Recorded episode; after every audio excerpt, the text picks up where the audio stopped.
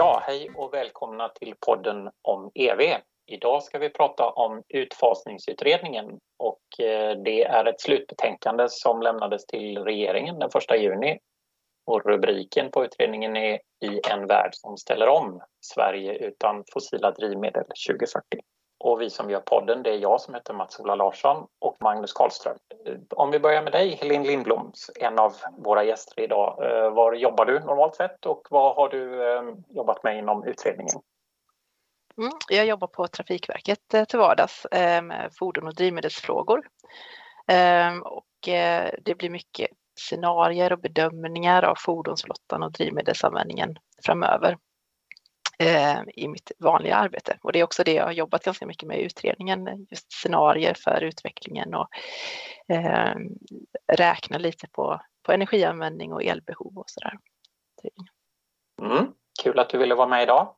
Mm, och eh, Eva Jernbecker, du jobbar någonstans till vardags som du får berätta nu och vad har du gjort i utredningen lite kort? Mm. Ja, hej och tack för att du fått komma. Jag jobbar till vardags på Naturvårdsverket på klimatstyrmedelsenheten eh, brett med klimatanalyser. Då. Eh, men de senaste åren har jag väl också eh, utmärkts av att jag har jobbat just som utredningssekreterare i ett antal utredningar med klimatinriktning. Då. Miljömålsberedningens arbete bland annat med att komma överens parlamentariskt om vårt klimatramverk. Mm. I utredningen då så har jag jobbat ganska så brett men eh, även med på djupet då med frågorna som rörde laddinfrastruktur och förnybara drivmedel. Tunga fordon var jag också inne en del på. Du, om du skulle, Helene, om du skulle summera lite kort vad, eh, vilket uppdrag ni hade i utredningen, kan du bara ge oss en bild av det? Mm. Ja, vi hade två huvudsakliga frågeställningar. Ehm, den ena då, den första och den största handlar ju om att lämna förslag om årtal för utfasning av fossila drivmedel och vilka åtgärder som kan vidtas för att nå dit på ett kostnadseffektivt sätt. Ehm, och utfasning av fossila drivmedel det omfattar ju all användning av fossila drivmedel så det är ju hela transportsektorn och alla arbetsmaskiner. Så det är ju ett, ett brett område. Sen hade vi en annan fråga som handlar om eh, att utreda förutsättningar för ett nationellt förbud mot försäljning av nya bensin och dieseldrivna bilar. Det är kanske viktigt att poängtera att det handlar om nya bilar och nya nybilsförsäljningen. Vi ska, ju, vi ska ju huvudsakligen prata om några delar av utredningen, vi går inte igenom allt. Men innan vi gör det så är jag lite nyfiken på om ni vet någonting om vad som händer med den här utredningen. Vad händer egentligen när man har lämnat ifrån sig en tjock lunta? Ja, regeringen skickar ut den på remiss eh, till ett antal remissinstanser så får vi se vad, vilken respons den får eh, där. Eh, vi hoppas ju att det kan bli ett av eh, flera värdefulla in, eh, underlag till nästa klimathandlingsplan, att man snappar upp vissa av våra förslag i den då. Mm. Och sen är det också en del av det underlag som vi lämnar eh, kan också komma att bli eh, underlag till Sveriges positioner inom olika EU-förhandlingar Ja, då tänkte jag att vi ska börja lite och prata med det som ligger närmast våra lyssnare, nämligen fordon och elektrifiering. Eh, och ett av era förslag eller era rekommendationer i utredningen är ju att Sverige inte ska eller kan införa ett förbud mot att sälja nya bensin och dieselbilar, vilket ju var ett av era uppdrag att utreda.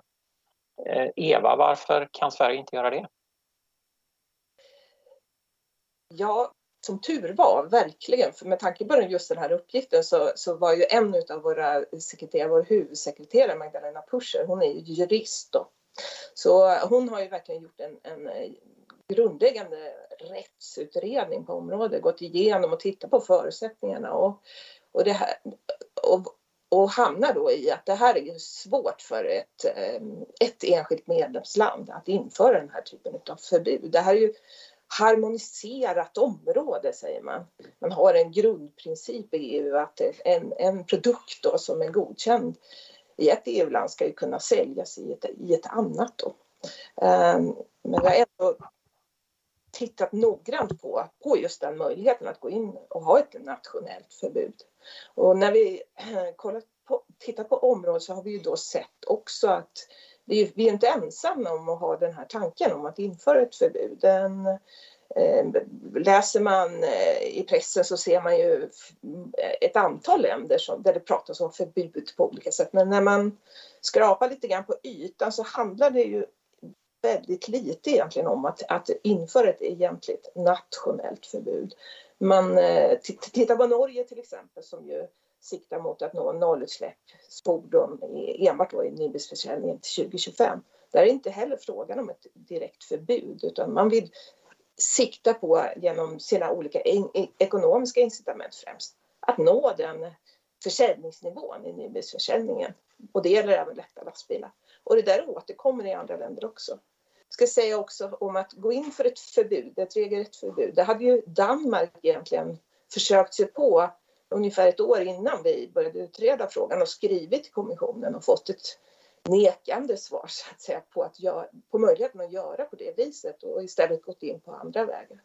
Mm. Och det var ju där vi hamnade också i, i vår analys men också eh, med den här höga ambitionen att verkligen försöka verka för att EU gemensamt då eh, når en, en förbud, ett förbud då i nybilsförsäljningen. Helst 2030 säger vi ju då.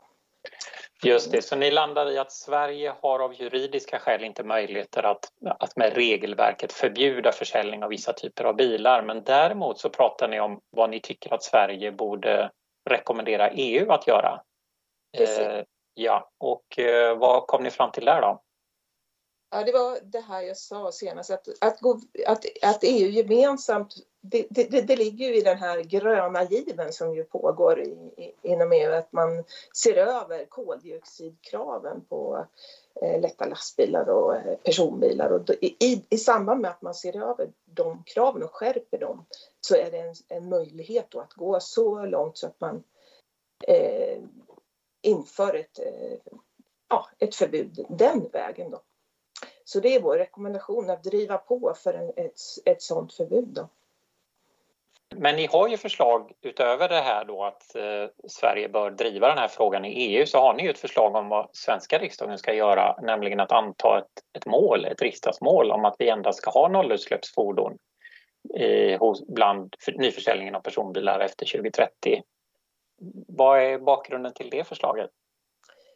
Ja, nej, men det här är ju linjen. Jag, jag, berättade lite om Norge tidigare. Vi ser ju Holland, andra länder tar den där typen av politiska eh, mål. Det kan vara regeringen, det kan vara parlamentet i landet i fråga och vi tycker väl att den, den formen är väl så viktig då som eh, ett sätt att driva på frågan och eh, att Sverige borde kunna göra på ett liknande sätt. Då.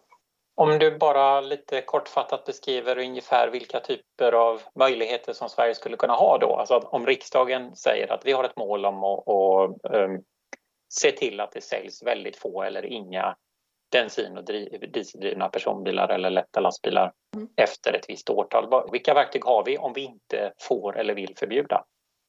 Ja, som vi använder hittills så är det ju eh, bonus-malus um, systemet. Det är ju ganska nytt, som nyligen det kom på plats, men det har ju redan skruvats på på olika sätt. Eh, sen är det ju hur man eh, i förmånsbeskattningen eh, behandlar den här typen utav, utav fordon. Men vi vill också lyfta fram just den här, det här möjliggörandet som en ändamålsenlig laddinfrastruktur. Tillgängligheten till laddinfrastruktur tror vi är ju väldigt avgörande för, för framgången på det här området. Vi är ju en, ganska optimistiska eh, om utvecklingen på området och menar ju att koldioxidkraven på EU-nivå i kombination med biltillverkarnas eh, ambitioner själva på området driver på så att de här eh, bonusarna och eh, eh subventionerna så att säga på, på området för ny, på nybilsförsäljning ser vi att det kan finnas möjlighet att man fasar ut på sikt eller sänker successivt. Eh, nu har vi nyligen höjt dem men går det riktigt bra det här så skulle man kunna successivt sänka, sänka dem. Men, men, men då är det ju viktigt att eh, de här nya bilarna uppfattas som eh, möjliga att använda på ett funktionellt sätt och då är den här tillgången till laddning viktig också. Just det, för det är ju så att utbudet av laddbara modeller ökar väldigt kraftigt och ja. prisskillnaden gradvis minskar mellan dem och konventionell teknik. Eh, vi, vi lägger faktiskt, vi pratar en del om malusdelen mm. och tycker att den eh, kan man behöva behålla under en längre tid. Och, och, men samtidigt lägger vi inte detaljförslag. En del i det här för oss det är just det här att man behöver följa utvecklingen noga och se hur styrmedlen eh, Eh, fungerar. Man vill inte ha ryckighet men samtidigt också en, en, eh, en förståelse i att man behöver justera de här styrmedlen. Man behöver eh, anpassa dem successivt stegvis och då skulle malusen kunna ha en funktion på längre sikt. Just det, och för de som inte omedelbart eh, förstår vad malus är så kan vi väl säga då att det, det är en differentierad fordonsskatt där fordon som släpper ut mycket har en högre Fordonsskatten, de som släpper ut mindre och att eh, malusdelen är så att säga avgiften för att släppa ut mycket medan bonusen är en bonus för de bilar som är laddbara eller kan gå med biogas så som systemet ser ut nu. Magnus, min bisittare här idag, är det något du tänker på när det gäller personbilar som vi borde ta upp också? Nej, jag tänker väl möjligtvis på det här eh, det finns en debatt EU-systemet och nu är det delvis föreslaget i utfasningsutredningen att de här klimatkraven, då, alltså gram koldioxid per kilometer, måste vara väldigt hårda. Och det är ju då att eh, långsiktigt tycker ju miljörörelsen och det är ju att de är oroliga för att bilindustrin håller kvar för länge i fossilbränslebilar då för att de tjänar så bra på det. Eh, och om man inte har väldigt hårda krav så kommer man behålla väldigt stor del i flottan. Så, men det är egentligen den jag föreslagit så det är mer en kommentar eh, tänker jag. Mm. För att det, det ser ju väldigt lovande ut liksom med den här prisparitetsfrågan med elfordon. Men om man kollar på vinstsidan på bilföretagen så kommer de nog vilja sälja bensinbilar ett tag till. Så då måste nästan lagstiftningen trycka lite för att de ska pressas ut liksom i utbudet. Så om ni har någon kommentar på det så Ja, nej men det är ju, vi, vi, vi eh, resonerar väl inte riktigt så som du eh, uttrycker det, men vi, vi har ju just den typen av, av tankar att man bör eh, hålla fast vid strikta nivåer, nollutsläppsdefinitionen bör, bör behållas, så att det här handlar om att ge understöd för en, eh, en tekniktransformation. Sen undrar jag lite när ni har pratat om styrmedel för laddinfrastruktur. Jag tycker det finns väldigt lite i litteraturen nämligen runt detta, vad som funkar. Så jag undrar lite vad ni, om ni... Det är en sak att säga att man behöver laddinfrastruktur, men vad är kostnadseffektivt?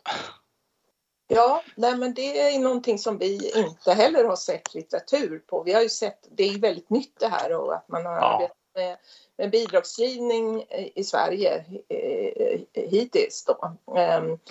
Eh, försökt att rikta det mot områden där det är där marknaden så att säga, eh, där företagsekonomisk kalkyl ser sämst ut men, men ändå kanske inte riktigt eh, haft resurser att göra det så helt så. Men jag, vi, vi säger egentligen inte hur man behöver gå men att man behöver förstärka myndighetsresurserna på området för att kunna följa området, analysera området och också just som det du är ute på, eh, att försöka utvärdera styrmedlen och se kan de inte utformas på ett ytterligare bättre sätt så att vi får ytterligare utväxling för de offentliga medlen här på området.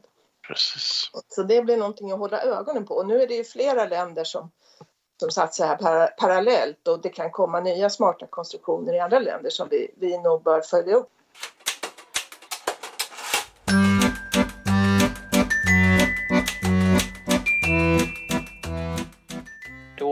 Tänkte att vi ska gå över lite grann och prata om det som ni har tittat på när det gäller tunga fordon och då Helene Lindblom åtgärder som ni tar upp för att påskynda en elektrifiering av tunga fordon. Hur tänker ni där? Ja, det liknar ju till viss del diskussionen om personbilar som, som Eva har eh, pratat om och det är ju EU-nivån då att försöka i första hand driva på eh, skarpare krav på EU, eh, EU-nivå. Ehm, på nationell nivå, idag eh, har vi ju klimatpremien för lastbilar och vi ser ju att det styrmedlet skulle kunna utvecklas något, öka i omfattning eh, nu i närtid. Ehm, men kanske på sikt då om vi nu får den här prissänkningen på, på eldrivna lastbilar så kanske man kan tänka sig en, en successiv utfasning även om den eh, på sikt då. Eh, men i närtid en utökning av klimatpremien. Eh, och sen ser vi också att det kan finnas lokala eh, initiativ som kan tas till för att eh, snabba på utfasningen i, i tätortsmiljöer. Det kan vara miljözoner, nollutsläppszoner eh, och andra sådana lokala initiativ för att påskynda omställningen. Um, vi tog ju upp frågan om laddinfrastruktur här och om, om man tänker sig att investeringskostnaden är hög för laddning, eftersom det är fråga om högre effekter och det, det är kanske färre användare, det är mera eh, pulsat i tid. Vissa tider så laddar inte en regional lastbil till exempel och sen vid, vid runt lunchtid, nu äter säkert inte alla lastbilschaufförer lunch samtidigt men du förstår vad jag menar att den här frågan om att eh, hitta lönsamma modeller för att bygga ut laddinfrastruktur för tunga fordon i ett regionalt perspektiv kanske är ännu klurigare än för, för personbilar eller åtminstone klurig på ett visst sätt. Så jag förmodar att ni även har funderat över laddinfrastrukturfrågorna kopplat till utrullningen av tunga elektrifierade fordon separat, eller? Ja, absolut. Ja, men det är också en viktig del i det, Eh, att bygga ut laddinfrastrukturen på ett, på ett bra sätt. Jag vet inte om Eva vill ha, ha något kompletterande där kring tunga fordon och laddinfrastrukturen? Nej, men vi, parallellt med, med vårt jobb så fick ju eh, Trafikverket också ett uppdrag när det gäller stationär laddning eh, tunga fordon och vi själva gick inte in på djupet där. Vi eh, såg, men vårt huvudförslag att vi måste, vi måste eh, få till ytterligare resurser här från, från myndighetshåll och en, en tydligare ansvarsfördelning kring kring att följa och, och, planera och utforma styrmedel på området, det har ju sin, bland annat sin grund i det här att det här som håller på att hända på tunga sidan behöver ju hända så, så väldigt snabbt nu. Um, och eh, kan stöta på eh, nya typer av problem och, och hinder som behöver röjas. Så att det är verkligen viktigt att, att många aktörer är på tårna nu i den här processen. Och det handlar inte bara om, om myndigheter på olika nivåer. Men absolut att, att tunga fordon eh, är en, en utmaning, men otroligt glädjande utmaning kan man väl säga också, att den har kommit igång nu så, så, så, så pass snabbt. Det ska bli verkligen spännande att följa. Men vi har inte som sagt kunnat gå riktigt på djupet där. Parallellt med våran utredning har ju, sitter ju elektrifieringskommissionen dessutom och har ju det här som vad ska jag säga, huvudfokus är ju ändå tunga fordon och, och eh, plan, eh, laddinfran där. Um, Just. Så jag tror att de, de tänker ganska mycket på det. Eh, Helene, i er utredning så har ni inte föreslagit ett specifikt mål som riksdagen ska sätta upp för en viss andel laddbara lastbilar eller bussar ett visst årtal. Det stämmer va? Ja, precis, det stämmer. Men däremot så föreslår vi att man på EU-nivå jobbar mot nollutsläpp 2040. Mm. Men om, det, om, det, om ni uppfattade att det är bra för riksdagen att sätta ett mål för personbilar, varför är det inte bra för riksdagen att sätta ett mål för tunga fordon eller någon del av tunga fordon, exempelvis en viss andel och så koppla då styrmedel till det? Vad är anledningen till att ni inte föreslår ett nationellt nollutsläppsfordonsmål för lastbilar till exempel? Nu hoppar jag in här. Efter... Ja, Eva, kör på. Nej, men det här, det här var ju en tanke som slog oss också. Man ser ju en, liksom en parallellitet här och det här är någonting som jag tror att eh, det, det, det kan vara något för remissinstanser och andra att ha synpunkter på, att man skulle kunna gå vidare. Men att vi får, eh, som Helene beskrev inledningsvis, och uppdraget hade ju ganska stor tyngd på det här med personbilsfrågan och förbud och alternativ till förbud. Därför så utvecklade vi tankarna runt mål och, och, och så vidare där allra tydligast. Ja. Sen har ni också, Helene, skrivit en del om arbetsmaskiner eller tagit upp den frågan. Kan du kort beskriva vad ni har tagit upp för viktiga frågor där? Ja, det följer lite samma samma mönster här då, som, som för lätta och tunga fordon. Eh, och det, det handlar ju om EU-nivån, att försöka driva på eh, i den mån det går då, eh, på EU-nivå. Eh, där är det ju inte lika uppstrukturerat som på, på vägfordonssidan. Men man skulle, det finns eh, områden där man skulle kunna driva på lite mer eh, på EU-nivå. Och för lättare arbetsmaskiner så skulle man till exempel kunna försöka få in det i ekodesigndirektivet styra det därigenom. Just det, för det är en regel i EU som egentligen kan ställa vissa tekniska krav på ett antal, ett antal utpekade produktområden då, som bland annat har stor betydelse för eh, infasningen av eh, LED-lampor i konsumentprodukter och så, om vi ska sätta det. Det, det är det du menar? Väl? Ja, precis. Eh, och på nationell nivå så, så, man, så finns det även klimatpremier för, det inkluderar ju arbetsmaskiner och, och, det skulle man kunna tänka sig att man utvecklar också, eh, utökar eh, skopet lite där eh, så att fler arbetsmaskiner kan ta del av klimatpremien eh, och utöka i omfattning då eh, över tid. Ehm, och sen olika upphandlingskrav. Arbetsmaskiner kan ju styras lite mer genom upphandling på ett enklare sätt.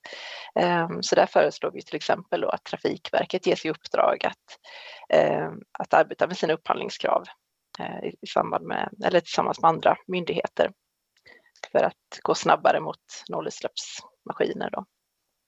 Mm. Magnus, jag tänkte med upphandlingsaspekten på lastbilar, alltså, har ni med någonting formuleringar där i utredningen, alltså om det offentliga ska jobba med upphandlingsverktyget för att driva på elektrifiering i lastbilsområdet?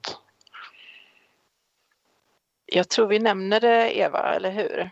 Ehm, men det är kanske inte en sån stor del egentligen av, av den totala lastbilsförsäljningen, så det kanske inte får lika stor påverkan där. Ja. Ehm, det, men det finns ju vissa branscher som typ vägbyggen och sånt där byggkonstruktionslastbilarna är mycket offentligt betalda i alla fall för att man flyttar grus och sand och så. De här upphandlingskraven, det här eh, som, vi, som Helene pratar runt arbetsmaskiner, det gäller ju egentligen både eh, vägfordonen som okay. och, så det, där, där, det är en hel del som går ja, gemensamt egentligen på arbetsmaskiner och tunga fordon kan man säga. Just, just. Sen hade jag en fråga till om lastbilar. På EU-systemet så driver ju lastbilsindustrin att de vill att det ska vara kilometerskatt eh, för nollemissionslastbilar. Då. Eller rätt sagt att de ska ha väldigt låga kilometerskatt på nollutsläppslastbilar och de andra ska betala mycket. Så jag undrar om ni, det har ju varit utredningar i Sverige om detta också, då, men på EU-nivå, alltså eh, har ni någon tanke om det utredningen? Kilometerskattsverktyget för just lastbilar? Vi har inte gått in jättemycket på kilometerskatt för tunga sidan och det pågår ju en parallell utredning om det i Sverige eh, just nu också. Så vi får se vad de landar i. Men ni nämner kilometerskatt som ett viktigt verktyg i de här sammanhangen har jag för mig någonstans i utredningen. Men ni har inte utrett det så noga, är det rätt uppfattat? Jag tror vi nämner det i tre kapitel så att nog kommer det, den, den upp faktiskt. Um, ja. Men det, det, det pågår parallella utredningar. Men vi noterar att där, där har man också ett, ett, ett incitament som, som, som kan fungera eh, på flera sätt då, eh, gynnsamt för den här typen av teknik. Just. Det är mest att man är lite nyfiken just att fordonsindustrin själva vill ha kilometerskatt på lastbilar. Eh, eller rätt sagt på de här fossildrivna då, för att driva utvecklingen tillräckligt. Att det är det mest effektiva styrmedlet tror jag SIA helt enkelt.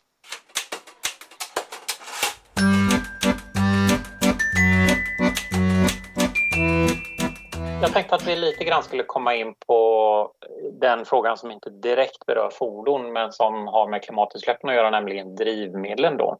Och där föreslår utredningen att fossila drivmedel till eh, transporter ska vara utfasade i Sverige år 2040. Eh, jag är bara nyfiken på hur kom ni fram till just det årtalet, eh, Helen? Eller ungefär det årtalet, men vad, vad gör att ni landar där? Ja, en utgångspunkt för oss i utredningen var ju att vi, vi skulle välja ett årtal som gör att Sverige kan fasa ut fossila drivmedel på ett så kostnadseffektivt sätt som möjligt. Ehm, och att det görs på ett sätt som andra länder vill och kan ta efter. Så det är ju en utgångspunkt vi hade eh, som sätter vissa ramar. Då. Sen har vi de befintliga målen att förhålla oss till också. Vi har ju 70% målet till 2030 för inrikestransporter eh, och vi har ju ett nationellt netto, netto nollmål till 2045. Och netto noll-målet innebär ju att vi redan i nuläget har ett utfasningsår som ligger 2045. Eh, och det begränsade ju analysen då till att det borde ligga någonstans efter 2030 men senast 2045. Så det är det ja. spannet som vi hade att, att förhålla oss till. Då. Man har ju tre delar som man kan skruva på för att nå utfasning. Det är ju elektrifiering, eh, det är förnybara drivmedel och det är minskat transportbehov. Och de här tre delarna har vi laborerat med i, i våra scenarier. Då. Eh, så vi har skruvat på de här tre olika eh, benen, eh, som man brukar kalla det, och se liksom hur, hur påverkar de varandra och hur kan man nå utfasning beroende på hur elektrifieringen utvecklas och beroende på hur trafikarbetet utvecklas. Så. Eh, och då har vi landat i att 2040 är nog ett ganska lämpligt årtal. Det är ett årtal som, som gör att vi ligger lite i framkant i Sverige, eh, att vi går före. Men samtidigt ett årtal som gör att vi kan nå utfasning utan att använda väldigt stora mängder biodrivmedel om man säger att man, man skulle ha ett årtal som låg 2035 till exempel då, som var ett av de årtalen som vi analyserade mer i detalj också, så, så behöver man ganska mycket biodrivmedel. Elektrifieringen, även om man har en ganska så snabb elektrifiering så, så hinner man inte elektrifiera en så stor del av fordonsflottan så att biodrivmedelsanvändningen dämpas, liksom, utan man får en väldigt stor biodrivmedelsanvändning då för att kunna nå utfasning eftersom omsättningen av fordon tar lång tid och det är ju ett par decennier från det att en bil har satts ut på marknaden exempelvis. Men vad är problemet som ni tar upp det med att det skulle bli jättemycket biodrivmedel då, om man nu hade haft ett sånt där väldigt ambitiöst krav? Ja, problemet blir ju att, att, om det bara hade varit Sverige som skulle ställa om så, så hade vi ju i princip kunnat använda mycket biodrivmedel.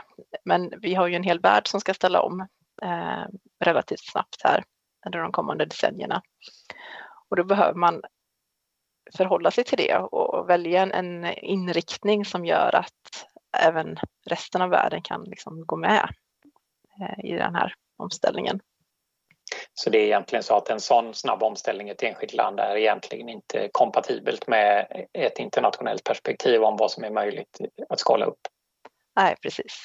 Och klimatfrågan är ju global så att det, det, det hjälper ju nästan inte vad vi gör i Sverige utan det, det vi kan göra i Sverige det är ju att vara ett, ett föregångsland och liksom, genom att mm. vara ett föregångsland inspirera andra och påverka EU-processerna kanske och sådär och visa att det går att, att gå snabbare framåt och så på ett bra sätt.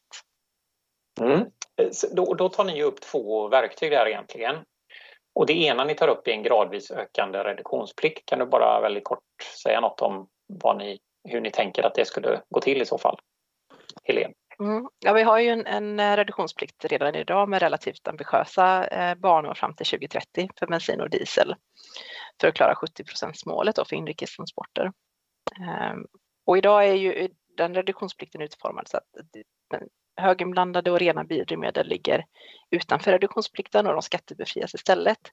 Och man har olika banor för bensin och diesel fram till 2030. Eh, och vi ser ju då att om man skulle fortsätta med reduktionsplikt även fram till 2040 så, så skulle man i princip bara kunna liksom, fortsätta med de här banorna eh, så att nivån 2040 då innebär 100% biodrivmedel eller eh, andra förnybara flytande och gasformiga drivmedel. Det kan också handla om elektrodrivmedel. Men vi har några förslag på hur man skulle kunna eh, justera reduktionspliktssystemet så att det blir lite mer effektivt. Eh, och då tänker vi alltså att man, man kanske borde försöka eh, bensin och dieselnivåerna kanske ska närma sig varandra och bli lika så att man ställer samma, samma reduktionskrav på bensin och diesel. Eh, och vi, vi, föreslår också att rena och höginblandade drivmedel inkluderas i reduktionsplikten. Just det, och detta föreslår ni bland annat för att ni anser att det blir eh, samhällsekonomiskt billigare att göra så än att ha separata kvoter för bensin och diesel egentligen. Va? Ja, precis. Ja, och det andra verktyget ni föreslår det är ju någon form av utsläppshandel som innebär att man ungefär som EUs utsläppshandel för utsläpp av koldioxid från energianläggningar med mera som finns idag. Eh, där ju då antar jag drivmedelsbolagen skulle få betala en viss avgift för, att, för det fossila innehållet i det de säljer och så skulle kvoterna eller taket kunna sänkas gradvis. Eh, är det ungefär så ni tänker i det här systemet eller skulle det vara ett internationellt system? Nej, men det är ungefär som du beskriver det, eh, Mats-Ola. Eh, men, och det är faktiskt så att eh, Tyskland har eh, börjat eh, införa den här typen utav, av, av system för sin försäljning av fossila drivmedel och försäljningen av eh, bränsle för uppvärmning. Då. Man utfärdar certifikat i början på året som, som eh, de här drivmedelsleverantörerna då får köpa. Man har satt vissa fasta priser här i början men sen successivt är det meningen att priserna ska då sättas på en marknad och mm. som du säger, gå ner, volymen ska då successivt gå ner till den här nivån då man närmar sig noll. Då.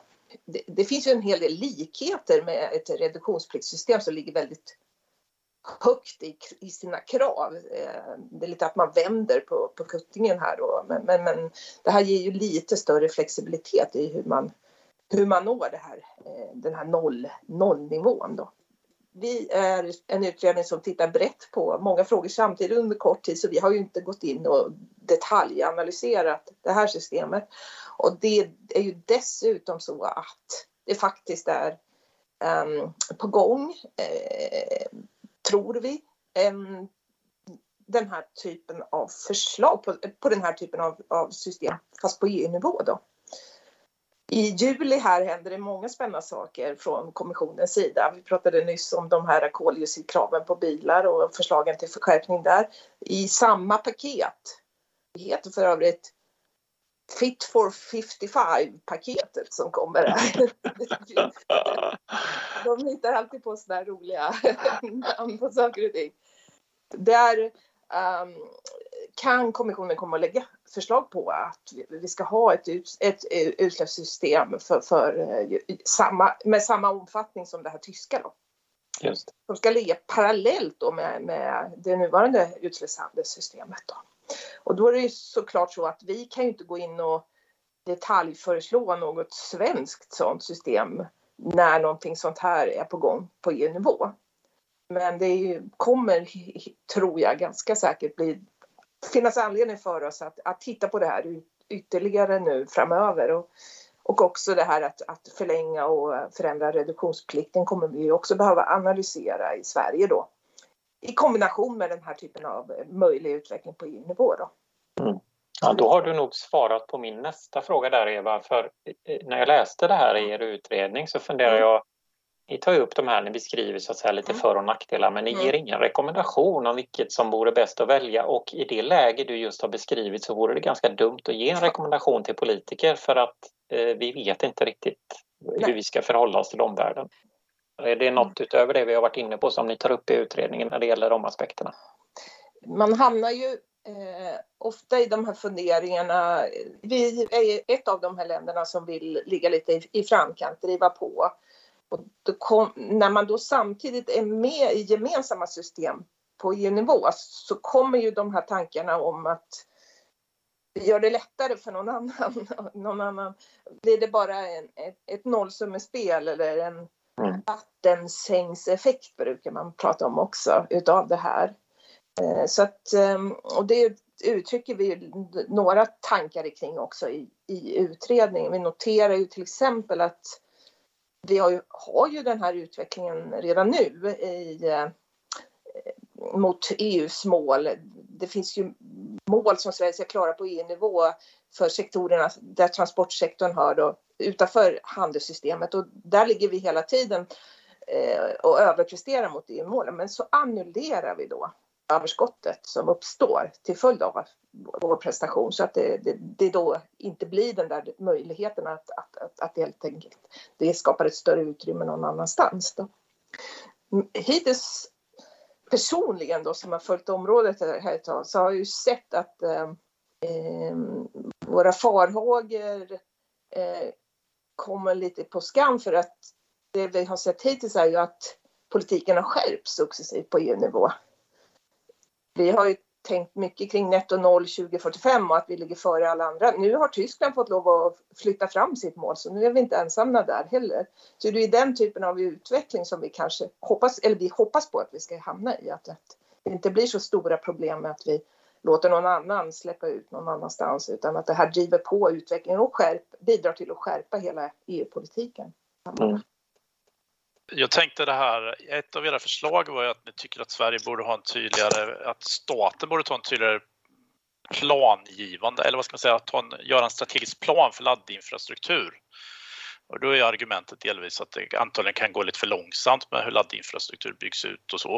Eh, men jag undrar lite ändå, det är en väldigt lurig roll för staten att ta för, för mycket av initiativet lider hos privata aktörer, hur mycket man kan planera.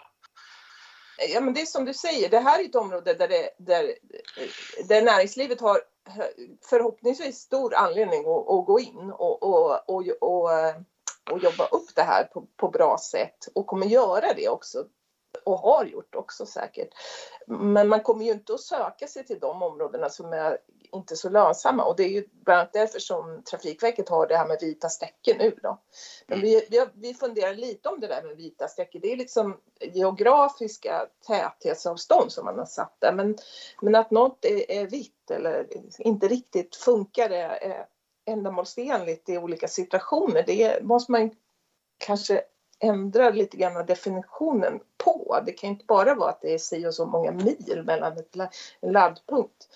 Det är andra saker också. Sen handlar det väl om, om, om att man måste ändå jag började min karriär med, som VA-tekniker och då skulle man ju kolla på, på 50-årsregn och sådana där saker. Man måste väl ha någon form av mått för vilken kapacitet man vill att någonting ska klara. Och då, och då tänker jag att där, där kommer det, det allmänna in och hålla koll på det. Vi har en diskussion om bredband i Sverige och hur det har funkat och, och hur glesbygden hur väl eller hur dåligt det funkar i glesbygden. Sånt är ju, är ju viktigt, um, tänker vi. Och inte bara för de som bor i, i glesbygd utan också för den som bor i, i, i städer men ändå vill kunna använda sin, sin elbil då för en lite längre resa och känna mm. att, att det funkar. Så att, eh, det, och att hitta en, en, smart, en smart roll i, i det här eh, handlar det ju om. Och sen har vi ju de här hindren som finns i en del bebyggelseformer och tunga fordon och annat. Det är, det är hinderröjning.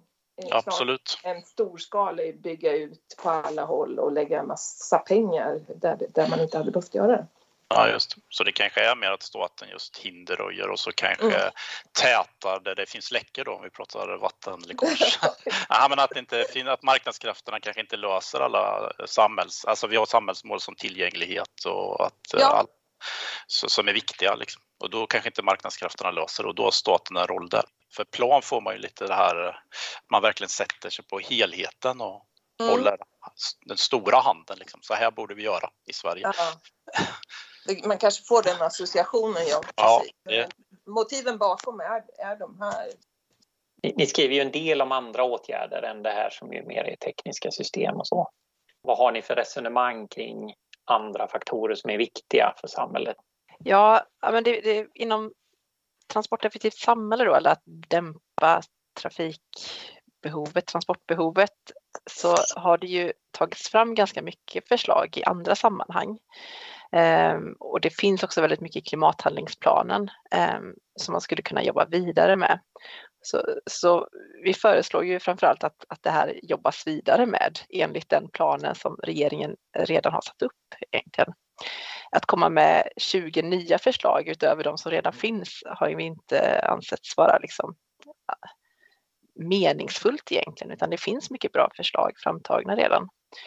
Eh, och sen är det ju det här med, med kilometerskatt som vi var inne på lite, eller en, föreslår egentligen en bredare översyn av transportsektorns beskattning. Eh, det behöver inte handla om kilometerskatt, utan det kan handla om annat också.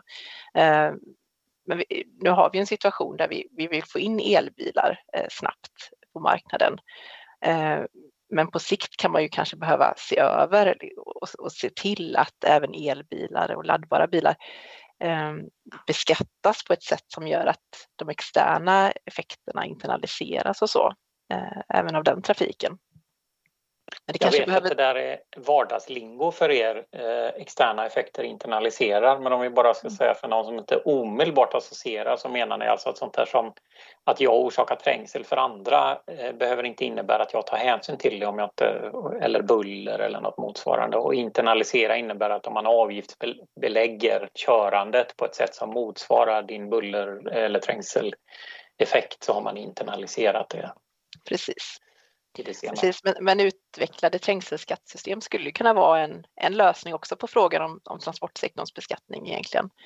Eh, och det är något som, som jag tror VTI föreslog också i en rapport nyligen att, att det kan vara ett lämpligare sätt än en kilometerskatt som är brett över hela landet till exempel. Eh. Ja, det, men det tycker jag får bli slutord. Och med det så tackar vi Helene Lindblom från eh, Trafikverket och Eva Jernbäcke från Naturvårdsverket för att ni har varit med i vår podd. Och jag som intervjuade heter Mats-Ola Larsson. Och vid min sida virtuellt sett satt Magnus Karlström från nyhetsbrevet om EV.